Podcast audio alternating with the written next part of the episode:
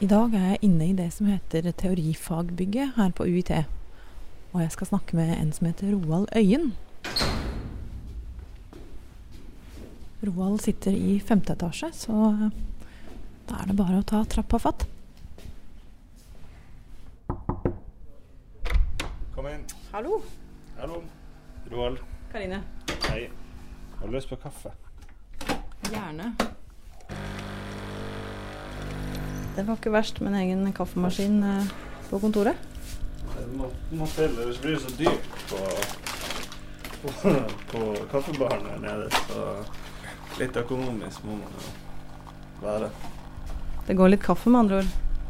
Ja, det går Det blir litt sånn kjededrikking når man sitter og skriver og, og holder på med statistikk.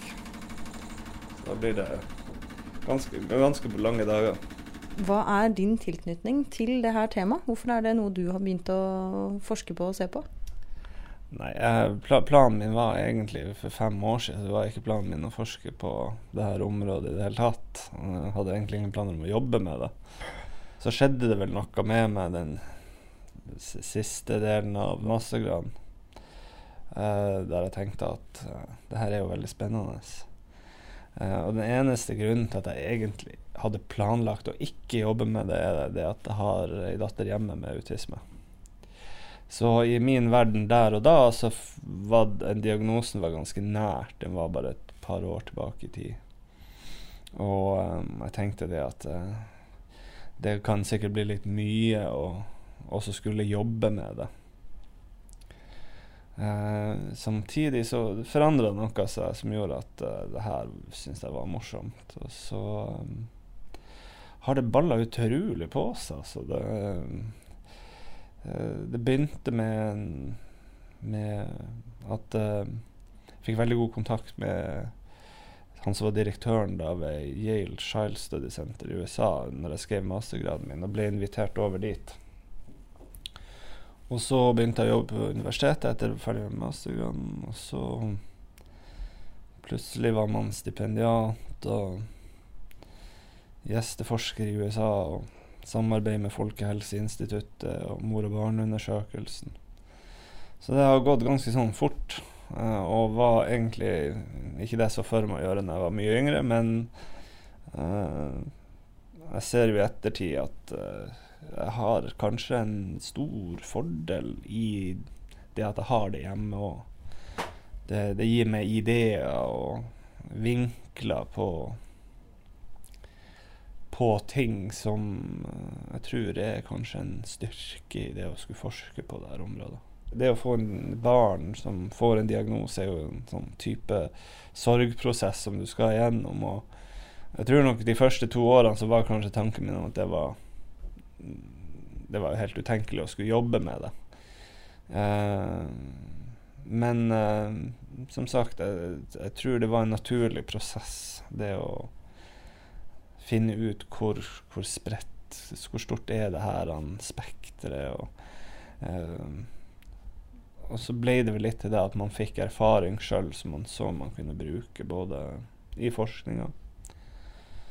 Så det sikkert en sånn naturlig vekst, vil jeg tro. Det du forsker på, helt konkret, hva er det? Jeg forsker på kjønnsforskjeller i barns utvikling. Um, mer spesifikt innenfor autismeområdet. Så jeg ser på da barn som utvikler seg helt normalt. Og så sammenligner vi dem med de barna som har da en autismediagnose. Og så ser vi nærmere på hva som er forskjellen mellom gutter og jenter med autisme. da. På ulike foreldrerapporterte og eh, klinikerobserverte verktøy. Eh, og så håper man at det kan resultere i at vi får laga en eh, form for eh, teknologisk eh, nyvinning eh, som eh, vi kan ved å eh, bruke eye tracking, så kan vi se og måle symptomer på en iPad. F.eks. For i forhold til øyekontakt, mm, delt oppmerksomhet. Innenfor forskning så har teknologien gitt oss veldig mange muligheter. uh, eye tracking, som har vært en ganske dyr teknologi, og som er ganske omfattende å sette seg inn i, det har bl.a. lært oss at barn med autisme har et annet mønster på, på sitt Altså når de ser på ting. Uh, de ser bl.a. mer på munn enn øyne hos, på ansikt. Uh, de har lettere å følge med på det som vi da kaller for distractors på videosekvenser, der uh, fokuset i utgangspunktet hos normalt utvikla barn ligger på den personen som sitter og meddeler et budskap.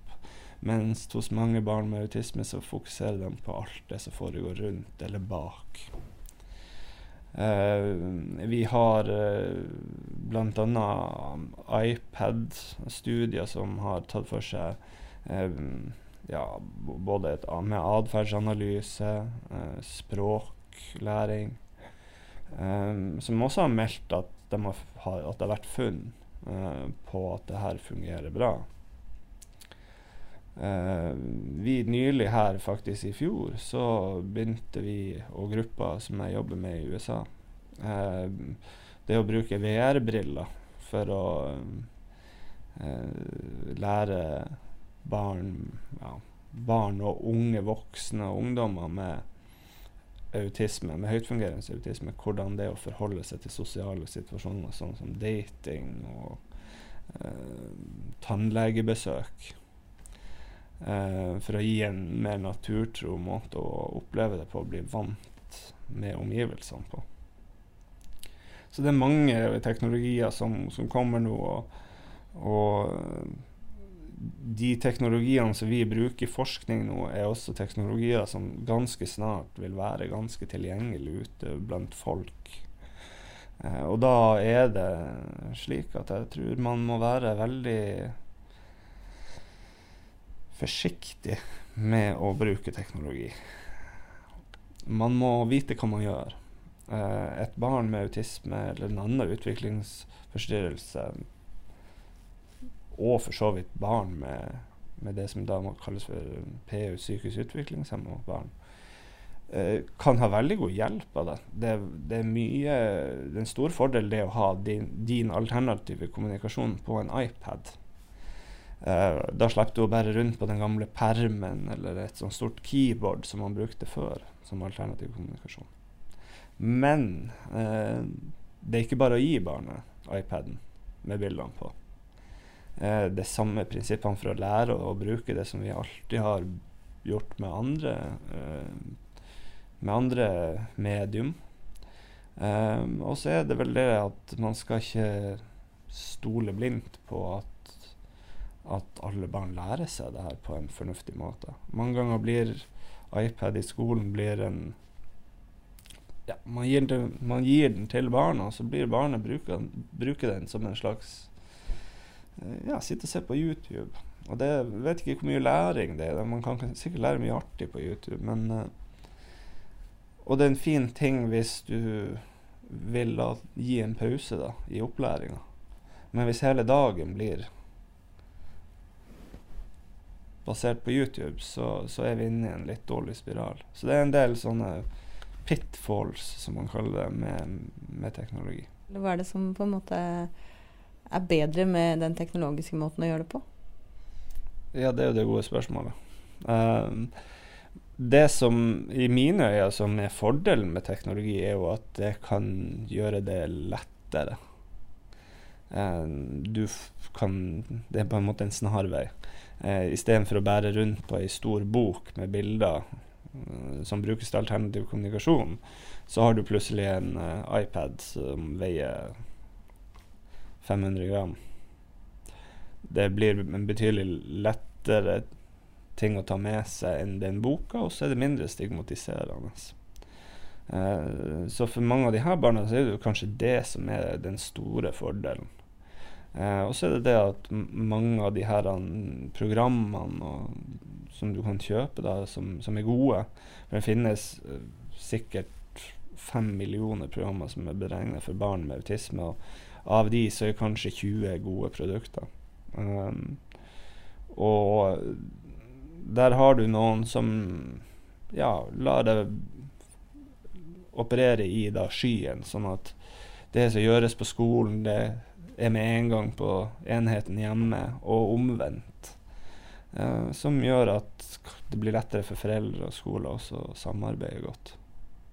Så det er mange fordeler med det. Hvilken glede har dere hatt av teknologi hjemme hos dere?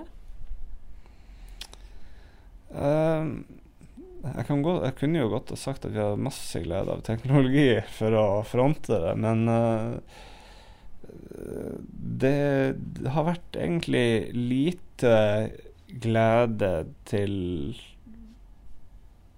det å lære seg ting. Altså, mm, min datter har vært veldig lite interessert i denne iPaden.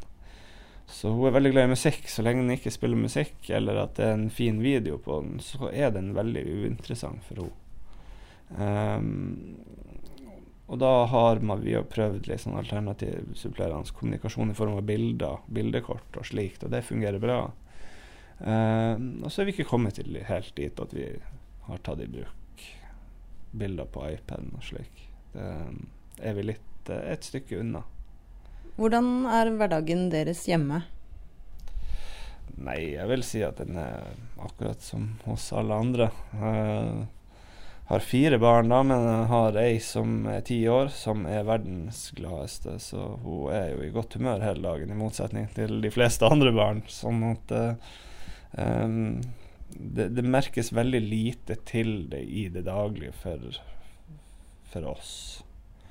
Um, det er jo så klart et lite problem at hun ikke snakker noe særlig.